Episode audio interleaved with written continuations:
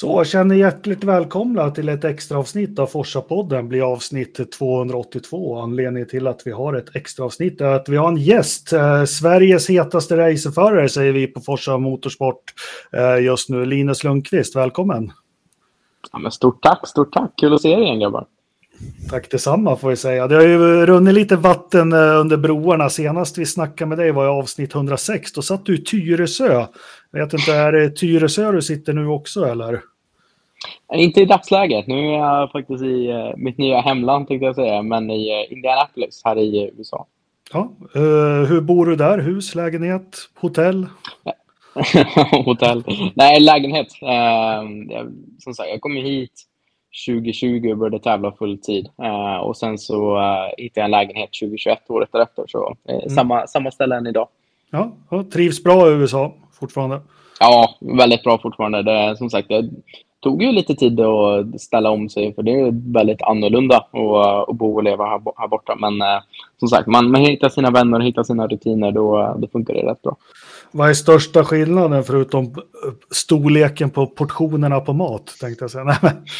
Ja, jag skulle säga att det är bara alltså, kulturen och människorna här. Eh, hur de tänker och hur de jobbar och ja, eh, hela den delen av det. Och jag skulle säga att de, de närmsta vännerna som jag har här är ju icke-amerikaner. Eh, det är också oftast europeiska förare som är, som är här typ på samma förutsättningar som jag är. Men, eh, men som sagt, det, det har varit kul på många, på många sidor. Självklart sportsliga, men även bara generellt att flytta hit liksom som ja, var 2021 liksom, när jag kom hit första gången. Så mm. det, det var rätt häftigt att få vara med om. Hur är Indianapolis som, som stat? Liksom? Vad, vad, finns det att göra där förutom att köra racerbil och så? Är det, är det en häftig stad att bo i? Det, det var kanske inte den mest livliga delstaten att bo i, det ska jag inte ljuga om. Um, utan det är ju väldigt mycket racing och jag menar, eller kanske 80 procent av alla Indycar-team är ju baserade just här och det är ju anledningen varför, varför jag valde att, att bosätta mig just här. Men, eh, men samtidigt så, jag bor lite norr om Indianapolis i Carmel. Eh, mm. och det är rätt trevligt faktiskt. Påminner mig lite om Europa. Uh, mycket rondeller, vilket man vanligtvis inte ser här borta. Mm. Um, och sen, uh, ja, både Felix och, och Marcus är ju inom 5-10 minuter liksom där jag mm. bor. Så det är många förare här runt omkring. Blev han kvar där när han köpte hus, Marcus, i Carmel? Eller? Ja, exakt. Han flyttade ja. bara en, en, en, bit bort. Jag tror att det är typ 10-15 minuter härifrån. Ja, skönt att ha dem runt det. Men du, det har vunnit, eller runnit lite vatten under broarna som man säger sedan avsnitt 106. Då satt du här och hade vunnit, vad hette den klassen, 2000 någonting? Uh, nej, vad hette den innan In the Light? Det ska ja, det var ju den där, ja, FR Americas. Just det. Den, amerikanska Formel 3-serien. Så var det, ja. Precis. Och du hade vunnit den och eh, letat styrning eller skulle upp i In the Light. Men bara kort, vi har ju följt dig och dina vedermödor. Det vart ju två säsonger In the Light. Eh, en bra första och en ännu bättre andra. Sen var det ju det här att man var ju garanterad en körning om man vann det mästerskapet, men du hamnar ju i någon paradoxal, eh, konstig dimension. Där. Vad, vad hände egentligen? Kan du kort, eller du kanske inte vill dra det, men vi är nyfikna. ja, gå tillbaka till mardrömsdagarna. Ja. Ähm, återuppleva de här. Nej, men äh, som sagt, förra året var ju en, var en en underbar säsong på många sätt och vis och vi lyckades ju vinna mästerskapet. Och som du sa, så de senaste 15-20 åren så har ju det alltid varit att vinnaren av Indy Lights får lite, vad var det, 1,2-1,3 miljoner dollar i scholarship. Du var garanterad tre Indycar-starter, varav ett är Indy 500. Och det är det de pengarna liksom ska, ska gå till. Um, och det, det var det egentligen som jag blev sagt, eller tillsagd liksom i början av året att det är det som fortfarande gäller. Um, men sen i och med att Indycar tog över ägarskapet, eller tillbaka ägarskapet av mästerskapet, så Just. ändrades lite saker och ting. Um, som kanske inte riktigt uh, kommunicerades på, på bästa sätt. Uh, och uh, det här fick jag egentligen då reda på efter vi hade vunnit mästerskapet och på banketten där priserna liksom delades ut. Och det här var ju i ja, mitten, slutet på no eller september förra året. Um, och då gick det då från de här 1,2-1,3 miljoner dollarna till en halv miljon dollar i, i scholarship. Så det, det, var en ganska rejäl förändring och att du inte var garanterad till, till några starter. Um, så det, det ändrade ju två saker. Ett så var det mycket pengar som försvann, men också två, alla de team som jag hade pratat om att försöka hitta någonting var jag tvungen att gå tillbaka och säga att ah, de här pengarna som vi trodde att det var, det, det var inte riktigt det längre. Utan nu ja, tappade vi ju typ 60-70 procent av det. Och sen i tredje led också, eh, det var ju att jag, jag hade ju sponsorer och investerare som, som la pengar i mig för att jag skulle kunna köra förra året. Mm. Och lite drömmen som vi sålde dem var ju att vinner vi mästerskapet då kommer vi liksom köra Indycar. Det, det är liksom typ klappat och klart, åtminstone tre race. Sen var vi tvungna också i det ledet att säga att ja, ni vet det här som vi, vi hoppades på skulle hända. Ja, nu vann vi, men det kommer ändå inte hända. Så um, som sagt, det, det blev fel på i många ledar. Uh, men uh, som sagt, vi, vi kämpade oss ju tillbaka till en ganska bra position. Alltså den banketten kan ju inte varit den roligaste middagen i historien. Herregud! Ja, nej, och det, det var lite absurt nästan, för det, det var ju en av de bästa stunderna i mitt liv att gå och vinna Indy Lights-mästerskapet med allting vad det innebär. Till sen då att förstå vad, vad det faktiskt innebar. Att som sagt, vi hade tappat en massa pengar och det vi trodde inte riktigt skulle hända. Så det, det, det var liksom ganska stora kontraster där jag fortfarande liksom var extremt glad och stolt och jag hade hela teamet med mig. Mina föräldrar var där och vi liksom firade vinsten. Men, men sen som sagt så saknades någonting stort för jag visste också vad det här innebar liksom för ja, min, min framtid. Så um, som sagt, det, det, var ett par tuffa... Först banketten var ju tuff, men sen de där månaderna efter. Speciellt när man såg andra förare från samma mästerskap blev signade till, till team och ska köra. Och det är också så här, jag har varit inne i den här branschen ganska länge. Jag vet, vi alla vet hur, hur det funkar. Uh, att, att pengar är ju såklart en viktig del och jag menar, ett team är ju ett företag i, i slutet av dagen. Jag menar, de måste få pengar att gå runt. Um, men såklart att det, det gjorde ont att se liksom andra signade platser som jag hade hoppats på att, på att få.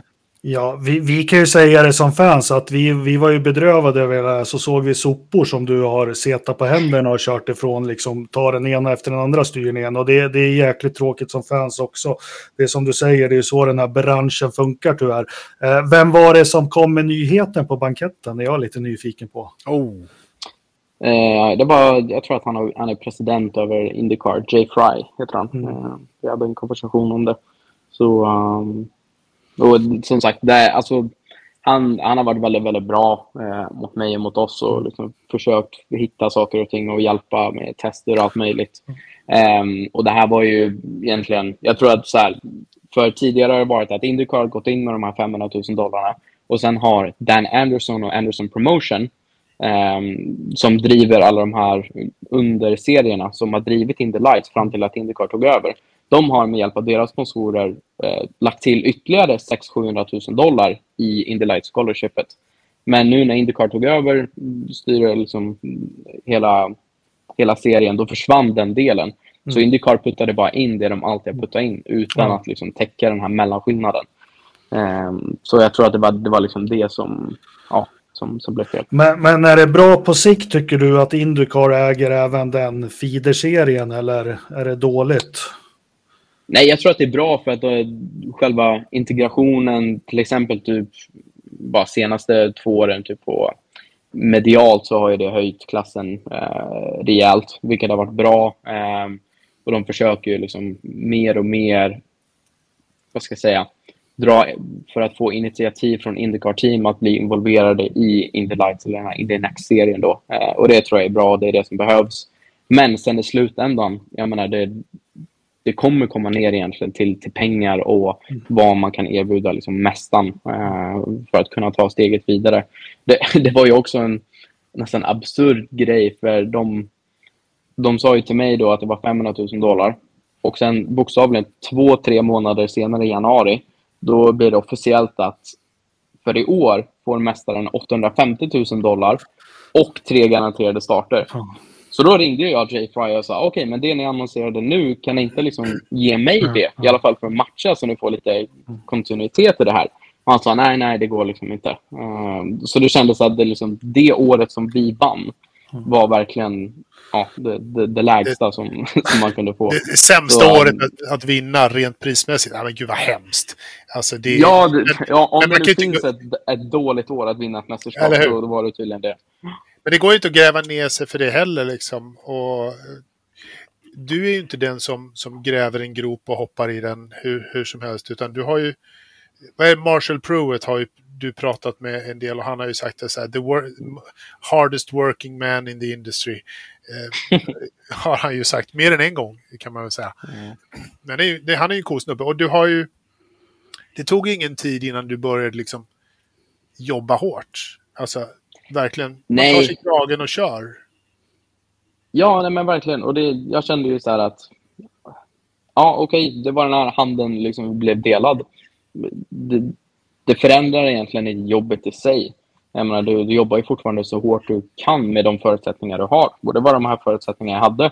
Och samtidigt, jag menar absolut, det var ju, det var ju en dålig situation att vi missade en, en hel del pengar som kanske hade gjort en skillnad.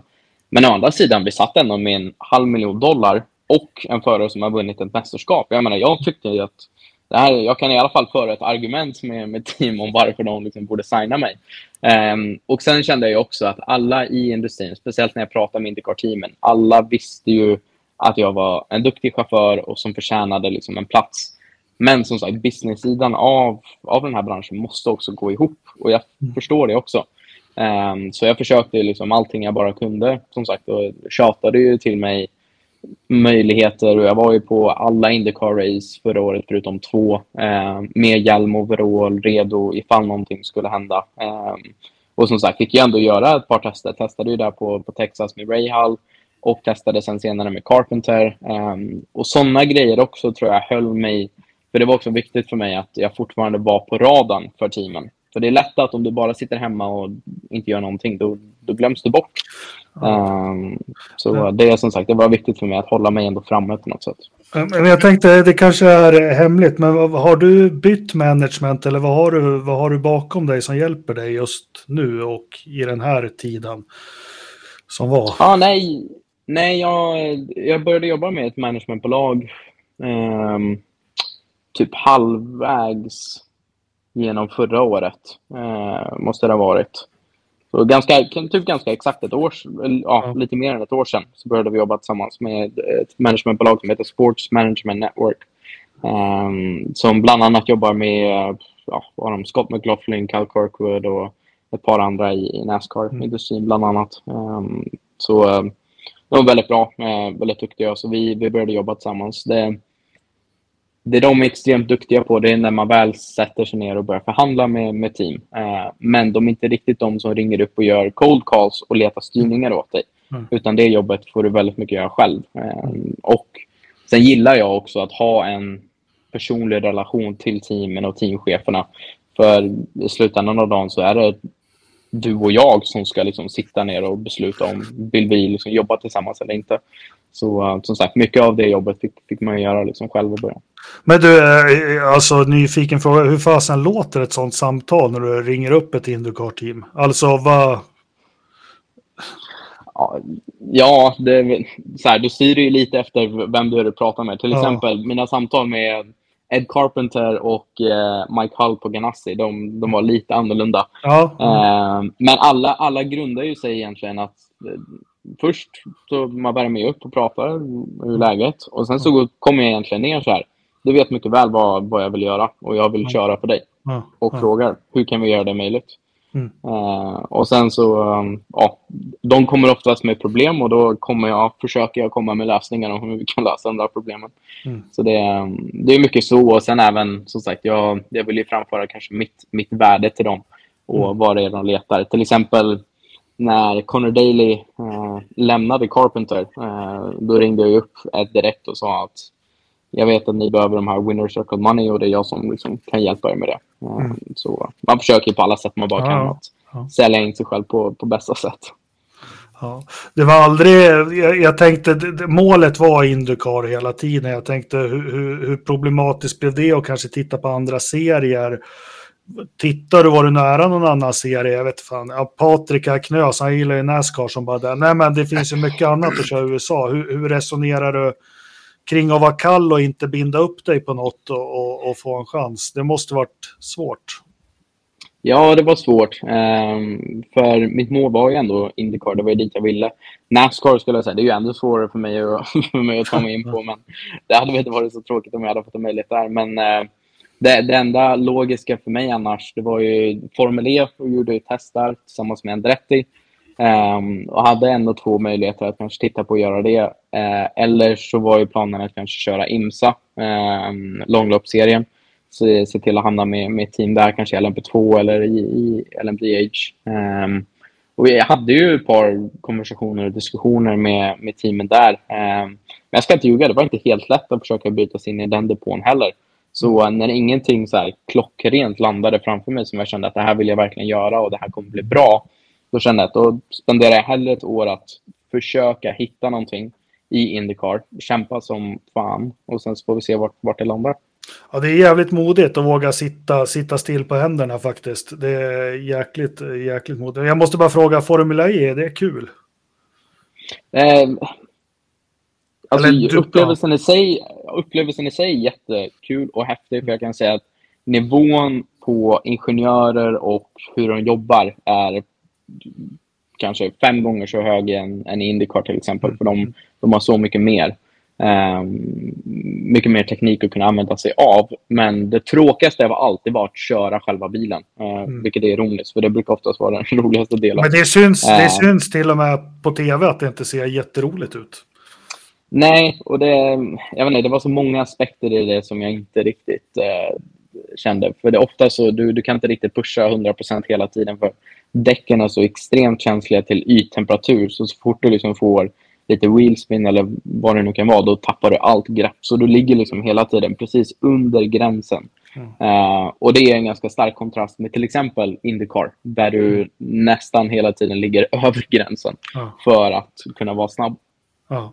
ja, nej, Formel E, det är vi som är Ja, motors största problemet här är att man aldrig vet när loppen går eller vart de sänds. De är, ja, men de är otroliga på att hålla det där mästerskapet hemligt och då, mm. då har vi mycket medlemmar som kan kolla ungersk Formula Ford typ och hitta det någonstans. Men, men, men Formula E hittar vi inte. Men, men när, när börjar det, alltså när börjar det märka att det öppnar sig? För det var ju lite avhopp som du nämnde och så. När, när börjar du känna att det kanske blir någonting den här säsongen?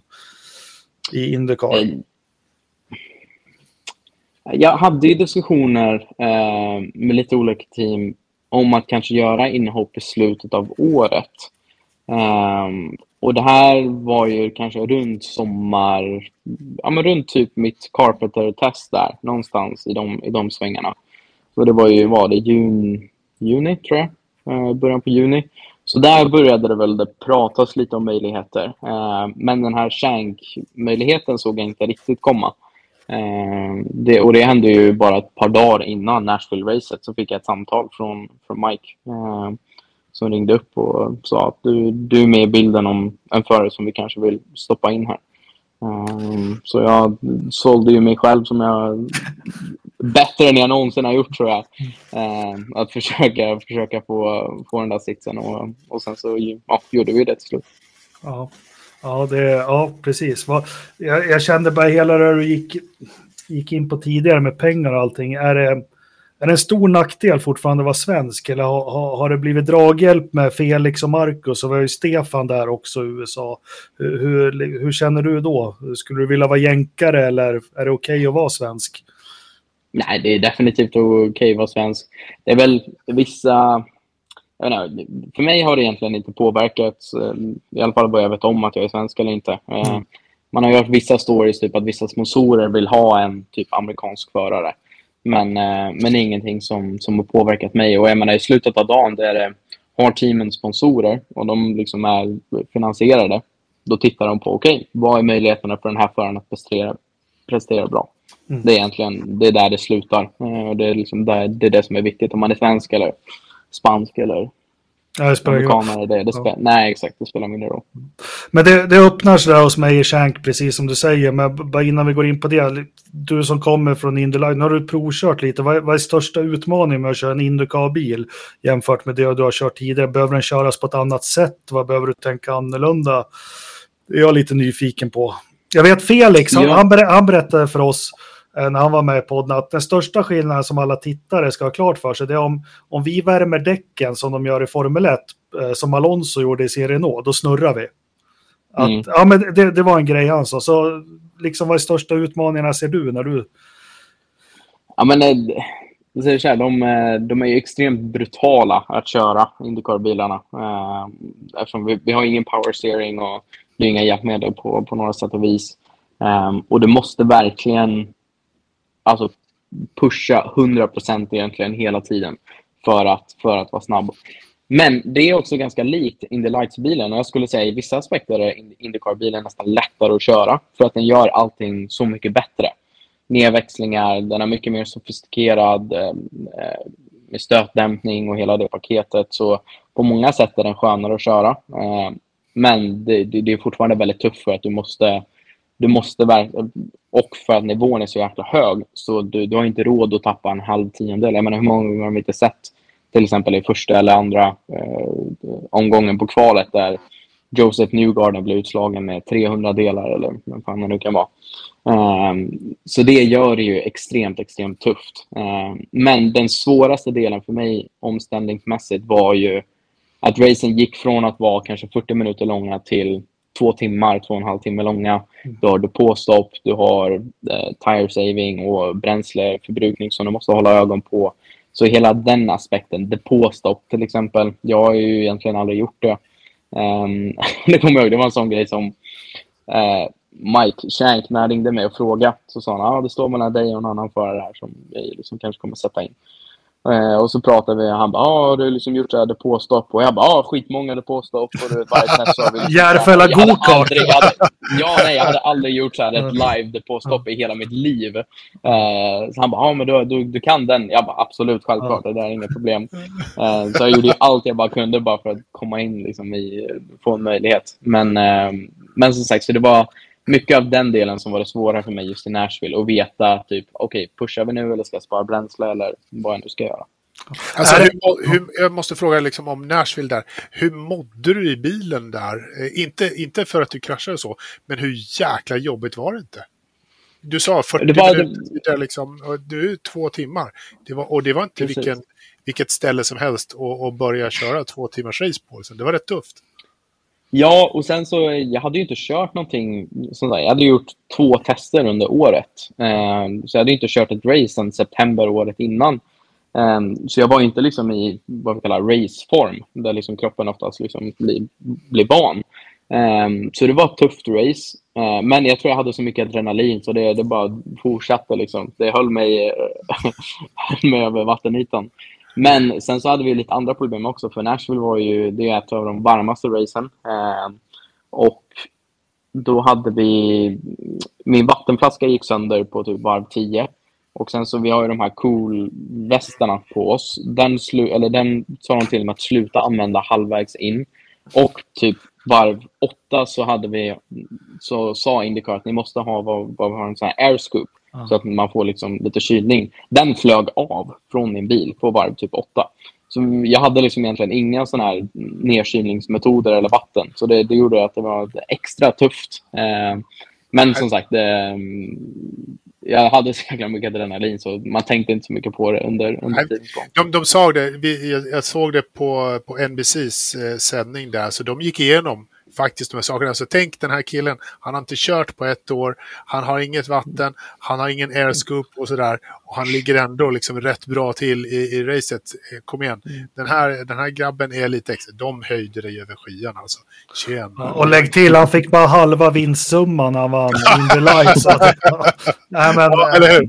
Ja. Eh, nej, men jag tänkte tillbaka till bilen där. Hur är karaktäristiken på den liksom när den är? Är en understyrd bil i grund och botten? Är den neutral, överstyrd? Hur, hur liksom är den som bil så? Basen I grund och botten så, så, ja, så är det en understyrd bil. Uh, ja. Det är en ganska tung, tung bil. Uh, men sen så, jag menar, du kan ju få den med inställningar så kan du få den att bli extremt överstyrd. Eller extremt understyrd. Det blir helt beroende på hur du vill sätta upp bilen. Sen så är det också, ibland så är en bekväm bil, vad som är ganska skönt att köra, det behöver inte vara en snabb bil. Mm. Utan en snabb bil brukar oftast vara en som inte har så mycket understyrning i sig, utan den roterar väldigt väl. Uh, och det kan vara nästan lite obehagligt att köra ibland, att det liksom, den bara roterar hur lätt som helst. Men uh, som sagt, just för one lap pace och i kval så är det en bra grej. Sen i race så vill oftast som sagt um, tuna ner den lite grann så att den är lite lättare att köra. Men hur, hur vill du ha en bil då? Jag vet ju Marcus, han vill ha en stark bakände, det är ju väldigt viktigt för honom. Och Förstappen vet vi vill ha en stark fram. Hur vill du ha din bil? När kör jag, du snabbast? Ja, jag lutar mer åt uh, Marcus-hållet. Jag har alltid varit mm. en förare som, som vill ha understyrning i bilen. Uh, mm. ja, jag kan oftast få en bil att rotera, men jag mm. måste liksom känna att jag har en bakända som kan, som kan stötta mig i Och det är i ingångarna som det är viktigt, eller att du känner bakändan? Ja, Ja. ja, exakt. För det är oftast där, där skulle jag säga en av mina starkaste delar. Just, just i ingången till mitten av kurvorna. Det, är, ja. det är där som jag är väldigt stark som, som ja. förare generellt. Så jag måste ha en ganska stabil grund att kunna attackera de ingångarna. Ja. Och hur mycket variabler finns det på en Indycar-bil med att leka med? För, för ja, vi ska inte snacka Formel 1, men det är mycket dämpare. Vad, vad har ni mer att, att leka med för att få till den? Alltså allt, som sagt, det är inte Formel 1 och du har fri utveckling av det, det vet mm. vi mycket väl. Um, det är en enhetsklass. Så, men det är fortfarande så att det är ju dämparna som vi, vi får utveckla själva. Resten är ju, har ju alla egentligen samma medel att leka med. Men det finns ju fortfarande tusentals olika inställningar som, som man kan göra. Mm. Och um, som sagt, det är ju en anledning till varför vi har toppteam och några som presterar bättre generellt under, mm. under, uh, under flera säsonger. Uh, och det är just att de, de har en, en bättre fundamental eh, vad ska jag säga, eh, plattform att gå från hela tiden. Mm. Självklart så har de ju speciellt ett väldigt bra så här, damper program eh, som de spenderar äckligt mycket pengar på varje år eh, att utveckla en liten, liten annorlunda damper som kanske är, är lite, det, lite bättre. Men är det inte det, eh, det ditt nuvarande eller team nästa år är suveräna på just dämpa program eller som de har varit bra på genom ja, historiskt? Ganesi. Ja, absolut. Jag skulle säga att de, de, är, de är fan bra på alla plan. Mm. Men uh, som sagt, dämparna har de ju varit vassa på. Det är, det, är där du har fri utveckling, så det är där oftast du kan göra ganska stor skillnad. Uh, Knös, du som gillar amerikansk racing mest av alla, är det samma sak i, i, i Nascar och så också? Är det... Nej, där är de betydligt mer återhållsamma med utvecklingen på vad det gäller bil och sådana saker. Det är de faktiskt. Jag tror inte de har fri utveckling på dämparna på samma sätt som Indycar har. Där är ni friare. Mm. Mm. Ja. Men du, jag tänker inför den här helgen då, Nashville, hur, hur liksom, bara jättekort, hur, hur fasen, ja, jätteglad, det här hände fort som jag förstår det, bara några dagar innan. Uh, ja. Hur liksom mentalt, för jag fattar att du är jäkligt starkt mentalt allt du har gått, hur tar du dig an den här helgen i ditt huvud? Det är jäkligt lätt att sväva iväg, eller hur? Och liksom vilja för mycket och, och ja, som i alla sporter. Ja, det... Och det var, allting hände ju väldigt, väldigt fort. Jag tror att de ringde torsdagen eh, veckan innan, så var första samtalet. Och sen tror jag på lördagen eller söndagen så liksom fick jag ett beslut eh, som sa att ah, du, du kommer köra. Så min, ja, vad är det, fyra, fyra dagar innan liksom jag kommer sitta i bilen så det var ett eh, ganska snabbt eh, ta sig till, eh, till Ohio, där teamet är baserat. Mm. Spenderade två dagar där. Eh, sen onsdagen här i Indianapolis, ytterligare förberedelser. Torsdag morgon simulator. Vilket var rätt häftigt, för de, de hade egentligen inte tid. Men torsdag morgon fanns det en liten öppning, men då var de tvungna att byka, boka ett eh, privatflyg från mig från Indianapolis till Nashville till att jag skulle hinna till möten på torsdag eftermiddag. Då. Eh, så det gjorde teamet. De bara absolut, du och din ingenjör, ni sitter där och så kommer ett flyg vänta på er på flygplatsen. Så då åkte vi direkt och så privatjet till Eh, Nashville, eh, möten och trackwalk och sen så fredag morgon så, så var det ju, eller fredag eftermiddag så var det ju första träningen. Så, så de här dagarna var ju extremt intensiva och det tror jag var ganska bra också för då hann jag inte riktigt känna efter eh, hur kanske nervös och, och pressen som fanns. Samtidigt som, jag menar, jag, jag är inte dum, jag vet hur det här funkar. Det här är min möjlighet att visa vad jag går för. Och samtidigt så, gör jag det bra så vet jag att då har vi gjort oss själva en väldigt bra tjänst. Men samtidigt, går jag in och gör ett dåligt jobb, då vågar jag nästan säga att Indycar-hoppet hade nästan varit över. Så um, jag visste ju det här när jag gick in, bara att jag inte försökte tänka på det så, så mycket. Jag, jag är så våldsamt imponerad av, av, av Uh, ja, men jag brukar prata om det, jag har ju bakgrund i andra sporter, bollsporter och sånt, och liksom att få den här chansen eller komma upp i A-lag eller vad som helst, det är ju oftast på den liksom, absoluta toppen så är det oftast du får bara en chans. Liksom. Sen, har du, mm. sen är vi ju blown it och, och, och det, det, krävs jäkligt mycket karaktär i vilken sport den är och, och liksom greppa tag i den chansen. Men jag tänker, Meyer Shank Racing, var, var det ett ja, bra team att börja i? Hur känner du så? Eller ja, förstår du frågan? Ja, ja nej, jag trivdes kanon. Det var jättebra. Och det, det var ju också en sån grej att det är ju inte ett toppteam på så sätt. Mm. Så förväntningarna var inte att du skulle gå in och vinna ditt första race utan gå in och göra ett bra jobb med, mm. med de möjligheterna du har. Och som sagt, det är bara att titta på vad de andra förarna har gjort under året. Um, för att ge en liten uppskattning om vart, vart nivån kanske ligger. Um, så det tror jag var, var väldigt bra. Um, och som sagt, de var lite ironiskt nog, jag tror jag var fjärde föraren som de hade liksom haft i den där bilen under året. Mm. Så de var ganska väl förberedda liksom, om vad en ny förare behöver. Mm. Ehm, under, under årets gång. Så de, hade en de process för det. Ja. ja, exakt. Som sagt, det var inte första föraren som de hade i den. Men, men det funkade jättebra. de gjorde ett bra jobb och de har ju ett, Eh, ett samarbete tillsammans med Andretti, ehm, deras Technical Alliance. Så, så det innebär att det är mer eller mindre en Andretti-bil. Eh, de får inte hundraprocentig setuper och så vidare, men, men nästan till. Eh, och Andretti var ju extremt starka just på stadsbanor. Så jag visste att vi skulle ha en ganska bra bil. Och det visade sig att vi, vi hade också. Jag menar, Kirkwood vann ju till exempel racet, så, så det visar ju att bilen var, var ändå ganska vass. Mm. Mm. Bara, bara passa på att fråga, det, det är ett hyfsat stall som Felix kommer till då, alltså, eh, ja, utan att säga för mycket, men det, det, det, ja, men det är ett bra stall han kommer till, Felix, nästa år, du som har kört där. Ja, absolut. Och jag skulle säga speciellt, vi, vi har ju pratat lite om det också, men speciellt de, de två teamägarna som, mm. som äger och driver teamet där. Eh, de är extremt, extremt snälla till att börja med. Jag menar, mm. De är ju teamchefer, så de kan ju vara lite tuffa, men de, de är väldigt mänskliga på det sättet mm. att man, man kan ha en bra konversation med dem och de förstår och de har en ganska bra bild om vart de vill ta teamet inom, inom ett par år, tror jag. Så jag tror mm. Felix kommer kommer passa in perfekt där om jag ska vara helt ja. Men vad, vad, fick du? Nu, nu slutar ju loppet lite olyckligt, men jag tycker vi skiter i det. På något, ja men, nej men det var inget fel alls, men sluta i väggen där. Vad, vad kände du då? Liksom, kände du att jag, det har skitit sig eller kände du bara jag gjorde det här så jävla bra?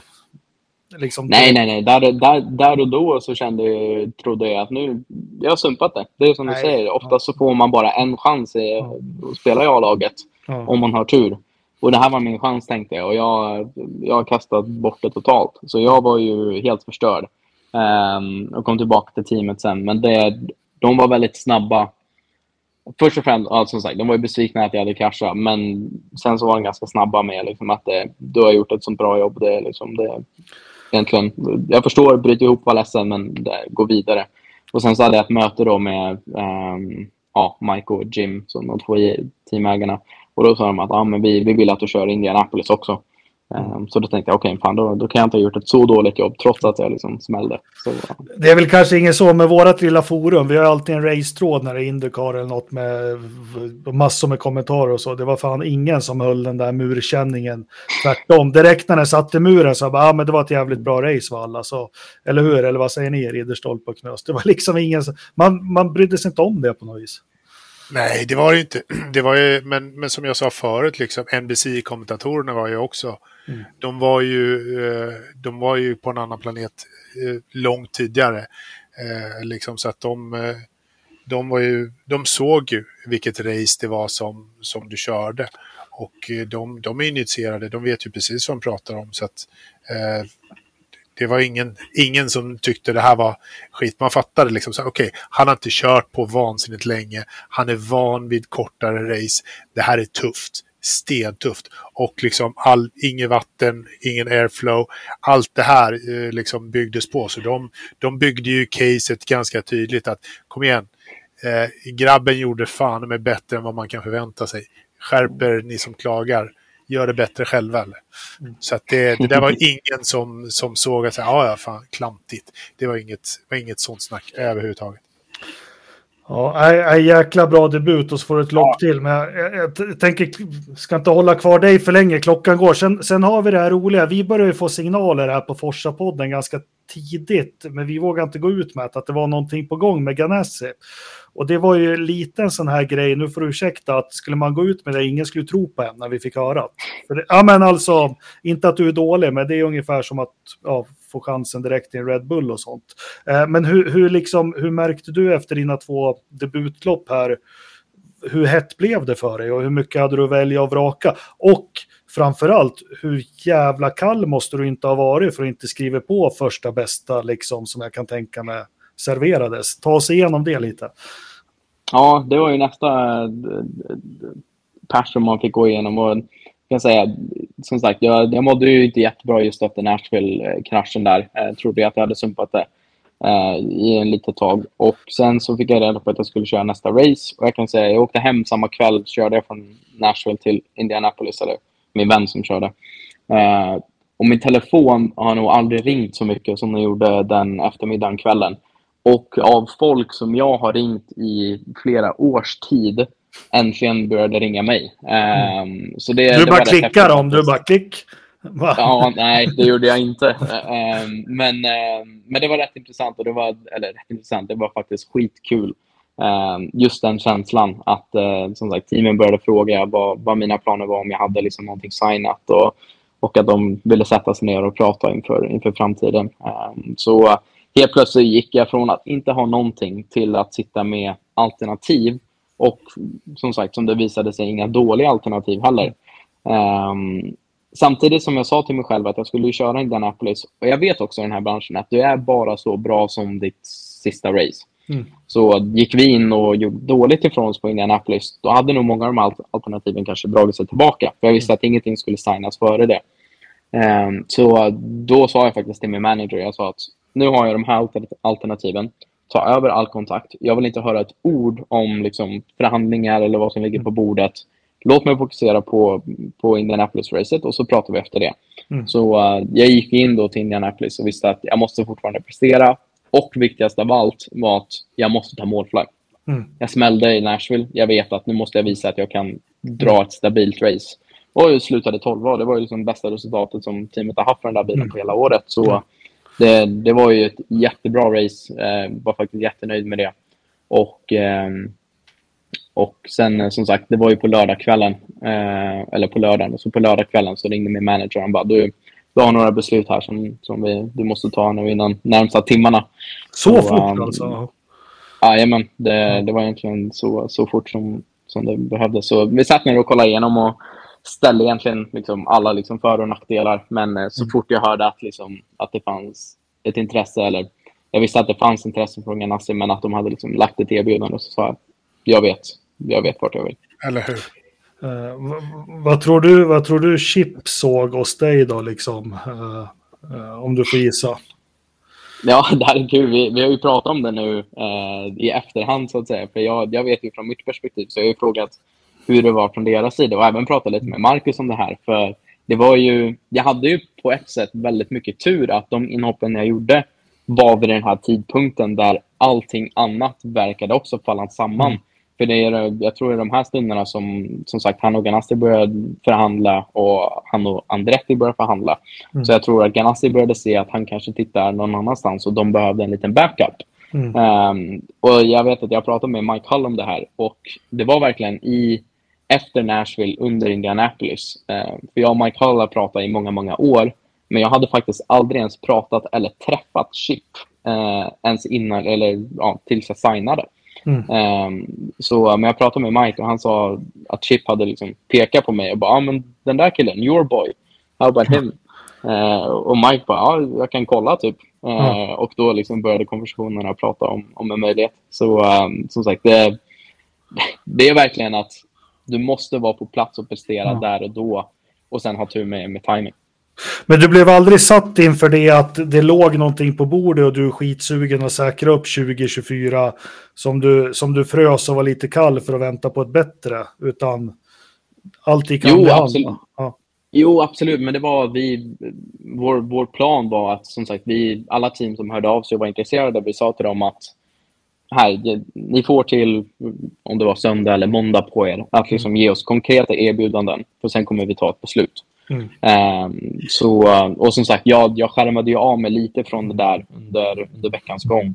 Så eh, jag såg ju aldrig liksom det första kontraktet, utan jag satt då liksom med flera stycken framför mig och så tittade vi på dem eh, och jämförde och så tog vi ett beslut. Hur många var det? Jag tror att det var typ tre, fyra olika team som, som vi hade kontrakt från. Eh, så eh, som sagt, gå... Och det, det, det var ju det som var så helt otroligt. Jag menar, spola tillbaka en vecka så hade jag ingenting på bordet. Jag visste inte ens att jag skulle köra liksom nästa race. Till att sitta med, som sagt, flera erbjudanden på bordet, varav ett Ganassi. Så det, eh, det, det, det var fortfarande de, de sjukaste veckorna, dagarna i, i hela mitt liv. Ja, jag förstår. Ja, shit. Ja, ja, nej, vilken grej. Det, det är fan gåshud. Med tanke på... Ja. Ja, men alltså det du drar för oss och halva liksom vinstsumman och allting. Så äh, det, det finns ju rättvisa någonstans på något vis. Men, men jag tänker vad de sagt nu inför 2024. Vad säger Chip? Vad har han för förväntningar på det? Vad, vad ska du göra? Ja, vi var ju suttit ner och pratat lite om det här. Ehm, och det var rätt skönt. Han sa förväntningarna ligger inte på att du ska hoppa in och slå Scott Dixon och Alex Palou ditt första år. Det, det är inte där liksom ribban ligger. Ehm, och som sagt, det här är ju första av ett flerårskontrakt, så de, så de säger det också. att Du kommer gå in här nu första året, lära dig, försöka dra nytta av att vara teamkamrater med Scott Dixon och Alex Palou speciellt. Ehm, men samtidigt, jag menar, det är ju Chip Ganassi Racing. Förväntningen är att du ska gå in och vinna race, ta pallplatser och prestera. Det, det kommer du inte undan med. Men jag tycker att det väver sig in ganska bra med hur jag är, för att jag är här för att vinna och prestera. Mm. Um, så uh, som sagt, jag, jag tror att det kommer bli ett ganska bra år. Hittills har det varit ganska intensivt och mycket att lära sig kan jag säga uh, hos, uh, hos det här teamet. Vad är största utmaningen eller att lära dig och sätta dig in i liksom, som du behöver? Ja, det, det, är, det är så mycket nytt. Och speciellt ja, med Scott som har varit i det här teamet i 20 år, över 20 år. Han kan ju verkligen allting och är ju som en familj i det här. Så det är så naturligt för honom och det är ju liksom det som man försöker sträva efter. Så att det, det inte tar energi att försöka lära sig nya grejer utan du vet hur allting funkar och kan bara fokusera på själva körningen och, och den delen av, av, av det du ska kunna fokusera på. Så uh, det är det man försöker spendera tid med nu och försöka lära sig uh, hur alla funkar. För det är fortfarande det är en människosport tänkte jag säga. Du jobbar ju med så, så många personer och försöka få de samarbeten att klicka. Hur, vad, vad min ingenjör vill ha för feedback och vad jag behöver. Och, ja. Det, det där funderade jag faktiskt på, så bara för vi vet ju att Marcus jobbade jättehårt med sitt team runt hans bil och, och sånt där. Så det tog ju ganska lång tid innan han fick teamet dit han behövde, dit han ville att det här, så här vill jag att det ska funka. Hur är det för dig? Liksom har, det måste vara jättestor skillnad från, från Indy Lights till, till Indycar. Det måste vara liksom en herrans massa mer människor som du måste lära känna. Och lära känna ganska intimt för att ni är ju ett lag här och ni måste verkligen Mm. så här, för de måste förstå vad du tänker när du tänker det. För att kunna liksom vara ett steg före på något sätt. Hur får man ihop det här teamet och vad gör ni för att liksom, lä- ni måste ju så här, gå ut och dricka bärs är väl eh, kanske en enkel sak, men, men liksom, vad, hur jobbar ni? Eh, hur jobbar du med teamet för att få att de gör saker för dig, åt dig, så att det blir det bästa du kan prestera? Liksom? Ja, det är ju en jätteviktig del ut- liksom, i det. Och det som, som du säger, vi är ju ett stort team. Det kommer ju vara fem bilar nu, men du har ju ditt lilla team som du jobbar med, med dina Exakt. ingenjörer och dina mekaniker. Och det är ju de som du vill... Ja, men det, i, grunderna så tror jag att det är bara simpel psykologi. Att du, du vill ju vara vän med dem för att det kommer göra att de jobbar lite hårdare. Ehm, och eh, i dagsläget så vet jag inte riktigt hur mitt fulla team kommer se ut omkring mig, men jag vet att jag faktiskt kommer jobba med samma ingenjör som Marcus jobbade med, med Brad Goldberg. Ehm, så eh, som sagt, och det, det är egentligen det enda som jag kanske vet nu. Så vi har ju spenderat väldigt mycket tid tillsammans och han, han, han går ju egentligen, eller jag går ju som i en liten skola hos honom och hos teamet. Eh, så jag är ju där ett par dagar i veckan och, och lär mig hur saker och ting fungerar. Och de, de lär mig saker och ting verkligen från grunden. Till exempel typ hur dämpade och hur bilen fungerar eh, och vad de behöver för feedback för att kunna liksom, hjälpa mig. Så det är, det är verkligen grundligt och det är mycket nytt. Eh, det känns verkligen som att jag är tillbaka i skolbänken på, på många sätt och vis. Kan jag säga. Ja, Ja. Men det var ju, jag måste vara, Marcus, kommer du köra bil nummer åtta? Är det klart eller? Just bil nummer åtta vet jag faktiskt inte. Ja. Eh, jag gissar det. Är vad alla tror och tänker, Mm. men vi har inte hört någonting Nej, nej. formellt liksom, att det här är bil du kommer sitta i. Nej, men jag tänkte på hans utveckling i Ganassi och så. Nu vann han ju mycket lopp sista två åren, men det som jag är mest imponerad av, det var ju trögt i början. Det var dåliga depåstopp på hans bil första året och sånt, men han, det jag tyckte han gjorde så jävla bra, det var han gnällde aldrig, alltså inte i tv eller någonting och liksom han jag tror han stod bakom mycket och få den där, allt runt den där bilen att funka. Så, så det är bara, bara att ta vid där. Eh, men jag tänkte bil nummer åtta, du vet inte vad den kommer att ha för färger heller, för det är vi jävligt nyfikna på. Ja, det kan jag säga. Det är jag också. Eh, Men tyvärr inte. Eh, jag, jag, jag lyssnar ju på lika mycket rykten som ni gör, kan jag tänka Mm. mig. Men jag har inte hört någonting Mm. formellt vad jag kommer köra. Och det är, jag är nyfiken, men å andra sidan så känner jag så här att det spelar ingen roll. Det vad som kommer vara på min bil, det, det får vara. Det, jag vet att jag kommer sitta i en Chip Ganassi racingbil och det är allt som betyder något för mig. Så, uh, Sen är det, sen Indycar är ju också så här, man, man, där stripar du om bilen på en eftermiddag så, så ser den antingen grön ena dagen och blå andra. Så vad fan, det är, vi som tittar på Mm. har ju till helsike att hänga med liksom när de stripar om dem. Det, jag vet inte. Eh, ja, kommer tänk få- oss. Vi måste ju alltid tacka sponsorn med alla eller hur? Om det ändrar sig liksom, Ja. Det kan vara lite förvirrande.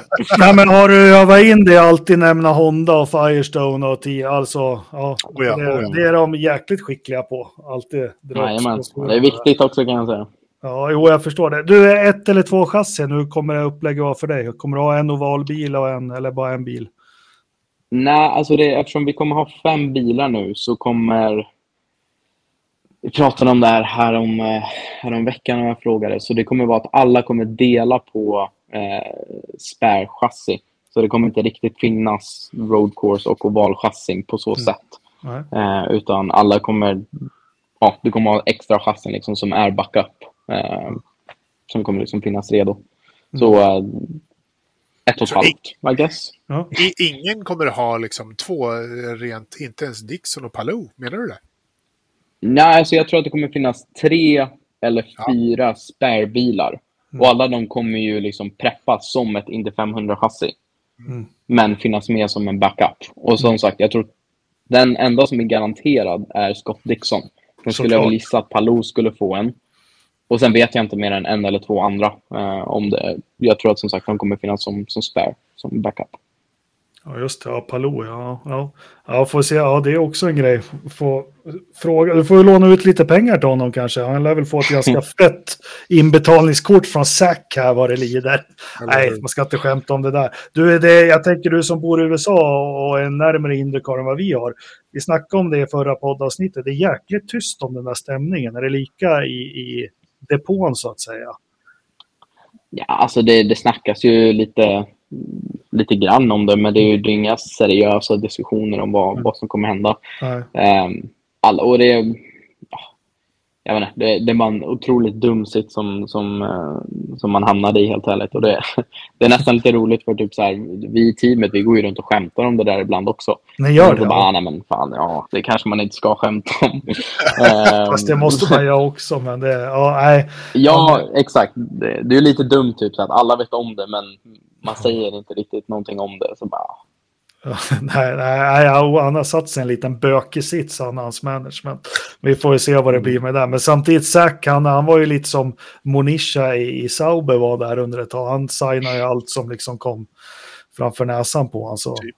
Det verkar vara ett stall ur balans lite med Clarence Indycar. Är, man får, du behöver inte kommentera det. Man får känslan utifrån. De tappar lite nyckelpersoner. Det verkar inte vara någon, någon riktig ordning där. Eh, Så det ska bli jäkligt spännande att se vad de tycker de har underpresterat faktiskt de senaste två åren. Med tanke på vad de vill vara för något. Ja. Ja, och det... Jag tyckte att de gjorde ett väldigt bra jobb när de tog över samarbetet där med Schmidt Mm. Petersen. Och, ehm, år, första året där kanske speciellt så tyckte jag att de gjorde ett bra jobb. För att det kom in en massa pengar där och det omstrukturerades. Och då trodde man att teamet skulle ta det här nästa steget och börja utmana tillsammans med Penske och Ganassi om just mästerskap. Mm. Men det känns som att de, de tog aldrig riktigt det här klivet de senaste åren. Utan de, de stannade där. Jag skulle säga att tillsammans med Andretti så kan de vara med och vinna race. Men att vara med och utmana mästerskap har de inte riktigt strukturen för att göra det än. Äh, men utifrån, sitta och titta, de får liksom inte ihop helheten hela vägen. Uh, varken Andretti eller, eller McLaren. Så det ska, ska bli spännande. Och återigen, det är en enhetsklass med liksom... Ja, klass slår lägre klass. Alltså det ser man ju, det är ju Penske och Ganassi hela tiden. Uh, nu hade väl Penske inte ett jättebra år väl, året som var. Men... Ja, det var inte helt pissilla kan man väl Nej, säga. Men, ja. Nej, och slutade ändå trea, bästa icke-Ganassi-förare. Ja, jo, precis. Jag tror inte de är helt nöjda på julfesten, på deras julfest. Eller, ja. Nej, det tror jag inte. Men å andra sidan, de vann ju Indy 500, så det, ja. de har ju det ändå. Ja, så fick de ju cupsegern i Nascar också, så ja, lite fira har de med Blaney där. Precis. Blaney Såg du det loppet? Mm. Såg Nej, jag gjorde faktiskt inte det. Nej, jag gjorde, du gjorde det antar jag. Det gjorde jag. Jag satt slaviskt. Mm. Mm. Varenda helg så är, så är det slavisk nu. Ja, men jag gör ett försök i alla fall. Det är jobbigt vissa dagar, men man måste se, man måste hänga med vad som händer där borta på andra sidan pölen. Vil, vilken är störst? Är det Nascar eller Indycar? Vad är störst nu liksom? Nascar. Nascar är, ja, är mycket större fortfarande. Eller mycket Publik större. Men det är, och tv och sponsorer och allt. Ja. Liksom. Mm. Är det något är ni långt efter då? Vet du Vad sa du? Är du långt efter? Vet du det? Eh, ja, vi är fortfarande en liten del efter. Dock så ser de nu att eh, Nascar, deras typ till exempel TV-ratings, de har ju bara gått ner medan Indycar har fortfarande, liksom, vi nådde egentligen en liten dipp så vi har ju börjat öka nu igen. Så vi får se om de här graferna kanske möts här, om inte Nascar mm. lyckas vända det. För jag vet att de kämpade ju med det, till exempel med den här ja, men, eh, deras Championship Shootout Stages och ja, playoff-delen eh, var ju en... Ja, exakt vad fan det nu heter. Eh, det är ju en del att försöka som sagt locka. De försökte ju dra den här med, med en, en, typ eh, NFL playoffs och hela den delen för att locka till lite nya fans. Men jag tror inte riktigt att det, det funkar. Mm. Nej, men Indycar, det, det är sen framförallt, jag följde Indycar, du var inte född då, jäkligt mycket på 90-talet. När Indycar var jävligt, alltså jag kan sitta och göra det någon gång om du har lite tid över, kolla gamla race från när Montoya och de här, alltså det, det är ganska mm. rått då, det är häftigt, men Eh, jag, jag tycker Indycar är roligare att följa nu än Formel 1. Eh, eh, men sen så är det, det som är dåligt med Indycar är jävligt dåligt och det som är bra är jävligt bra. Framförallt tv-produktionen är ju, ja, nej, funkar inte alls bra. Den är, den är ja, magisk.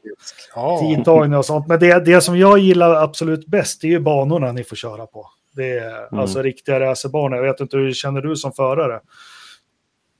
Ja, det, jag håller med. Det, jag håller definitivt med. Speciellt, jag, jag hade ju sista året som jag spenderade i Europa, körde jag på ja, typ alla F1-banor som fanns mm. i Europa. Eh, och de är häftiga på sitt sätt, men de här är ju, som du säger, roa, riktiga racingbanor. Väldigt old school. Mm. Eh, där du behöver betala ett högt pris för misstag, eh, mm. vilket, är, eh, vilket är kul. Plus att jag älskar egentligen alla stadsbanor som jag har här. För de är, de är råa. Eh, det, Typ Detroit, som ni säkert såg. Mm. Det är ja. många som inte tyckte om den. Jag tyckte att den var skithäftig att titta på. För att det, det Får du inte ont i ryggen? Som... Nej, jag, menar, jag körde ju aldrig banan, utan, men jag var ju där och tittade. Eh, mm. Men eh, som sagt, det, jag menar, det, det, är någonting med att den bara är så rå. Du har mm. stora liksom, hopp och gupp i, i, i banan. Och det, ja, det, jag tycker det, det är häftigt. Samma sak med Nashville. Som sagt, det var en av mina favoritbanor som jag hade från, från tidigare år. Ja, jag tror du den nya sträckningen då? De ska ju byta gator. Ja, men jag tror att det kommer bli coolt. Jag menar, herregud, vi kommer ju köra på Broadway i, i Nashville. Ja. Uh, bättre än det går, går det dugg på, tänkte jag säga. Uh, nej, men jag tror att det kommer, det kommer bli kul. Uh, speciellt med att få avslutningen i Nashville. Jag menar, det, mm. det är en häftig stad redan, redan till att börja med, så, så att få avslutningen där kommer, kommer bli coolt. Mm. Och ni börjar i St. Pete igen, eller? Ja, Jajamän, jag tror det är 9-10 mars. Första gången. ja, ja. Nej, men då vill vi se som när Felix debuterar att du första varven där att du kör närkamp med willpower. Armbågarna ska ut menar du? Ja, Okej. Kommer du ihåg det racet eller såg du det själv, hans första? Ja, det, nej, det, det var Jajamän. häftigt. Då, då var man faktiskt lite engagerad i, i soffan för, för eh, en gångs skull. Eh, Mm. Jag tänkte, har vi något annat? Är det någonting ni två funderar på? För det är mest jag som pratar. Jag känner mig... Ja, men alltså det, vi har ju stoppat fem kronor i dig så då, då sitter Ja, vi tysta nej, och bara lyssnar. Det, nej, men jag har väl fått några frågor lite så här. Det, jag, är, jag tycker det här är lite spännande liksom, och en nyckelfaktor liksom, att få, få ihop teamet. Det, det tror jag liksom är en riktig. Och det, eh, det ser man ju liksom när, när man inte får ihop teamet. Då, då ser man ju hur otroligt talangfulla förare får det tufft och jobbigt. Så det där tror jag är en, en stor nyckel. Och liksom där har du säkert massa snack med, med Marcus. och Så där. Han, han verkar ju vara extremt duktig på det. Så att det bara dra nytta av det. Eh, vi har ju fått in en massa frågor från lyssnare. Jag har valt ut två stycken. Är det, är det okej Linus? Mm. Ja, jag vet Självklart. inte, eh, det här är säkert en herre du vet vem det är, eller du kommer eh, stifta bekantskap med, Kian Andersson. Han undrar, Jaha, har ja, du, ja, igen. ja, precis. Han undrar om det har gått upp för dig att du, sittande i en Ganassi vid säsongens slut, kan vara poängbäst i svensk. Ja, med all respekt så är fokuset inte på att vara bästa svensk, Mm. utan det är att slå alla andra. Bra, Ehm, tack. Det, Tack. det är samma sak med, jag har fått lite frågor om den här Rookie of the Year-mästerskapet, men helt ärligt, det, det är inte där fokuset ligger för min del, utan fokuset är på att försöka vinna race och vara på pallen så mycket, så mycket man bara kan. Mm. Sen, och gör man det så brukar det oftast bli eh, bra eh, mästerskapsmässigt också. Andra frågan, när, var och hur kan vi köpa Linus merch?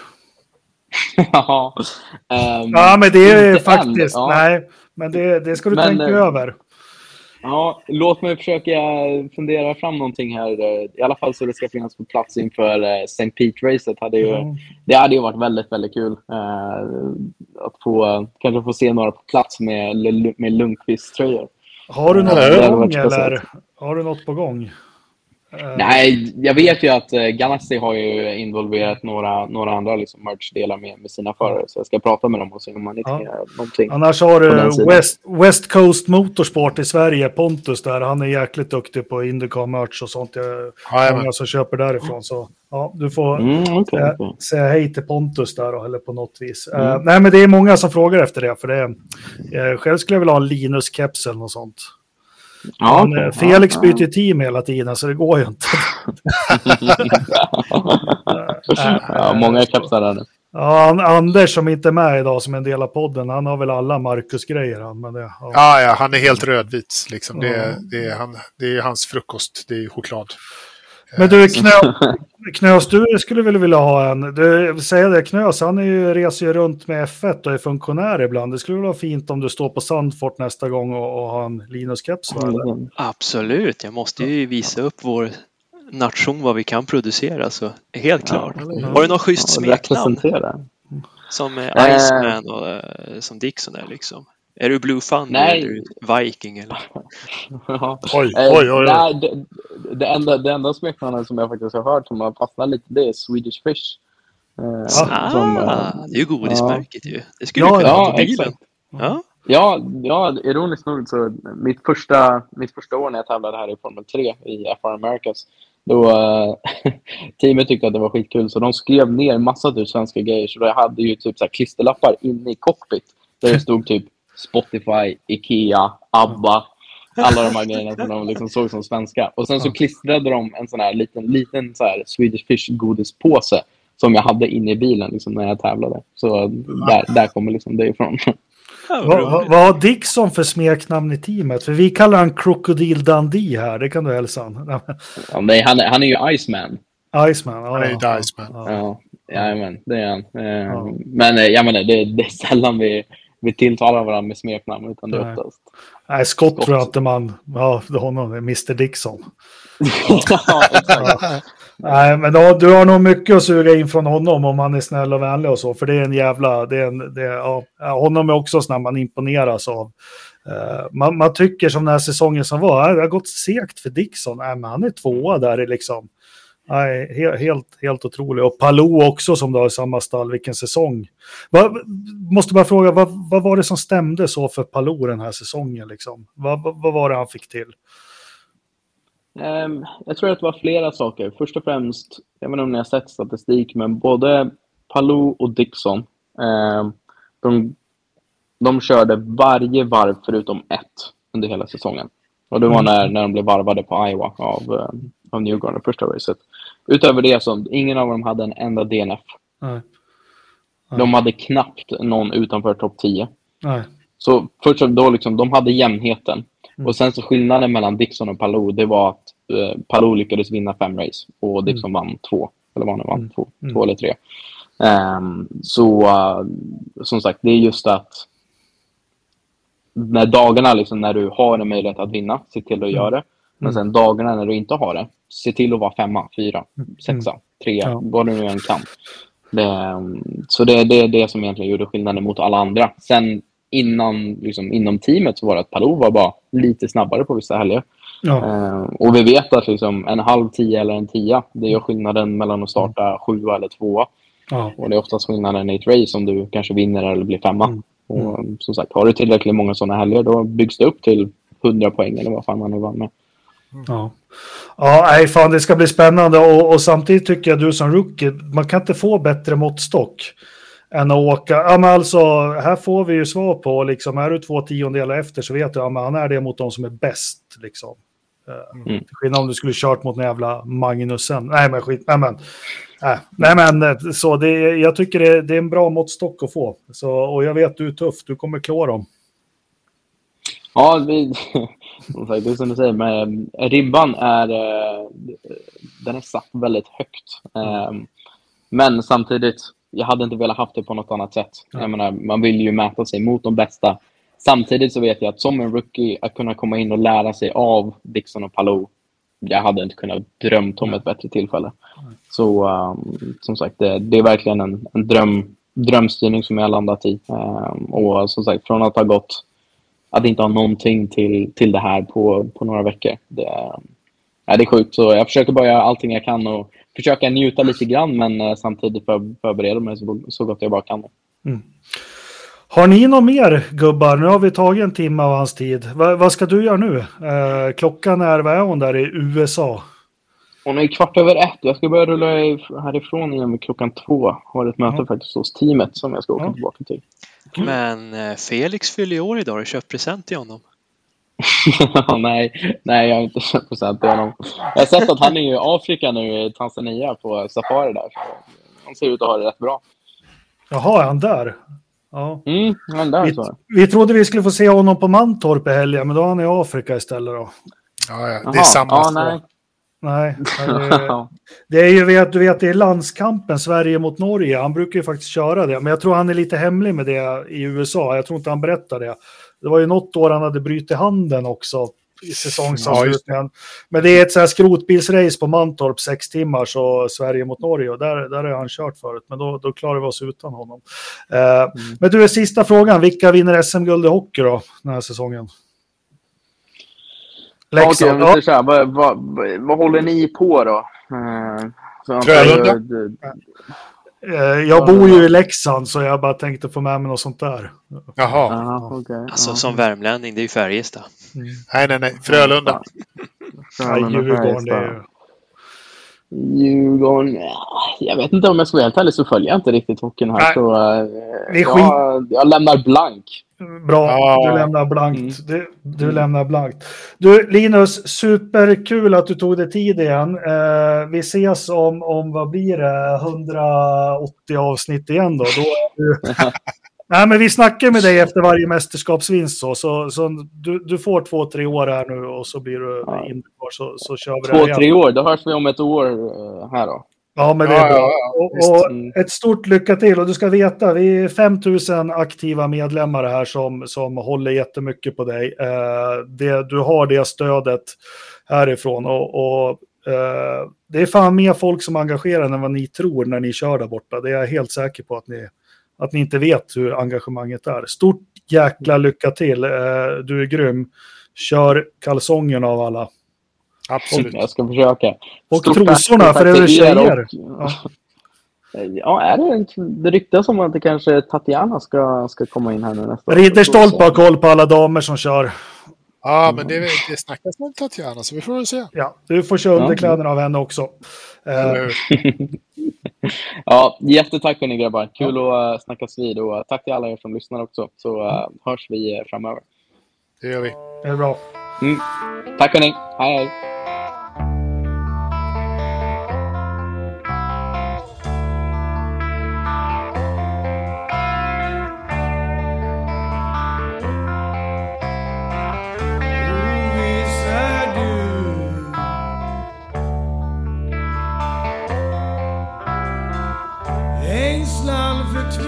now.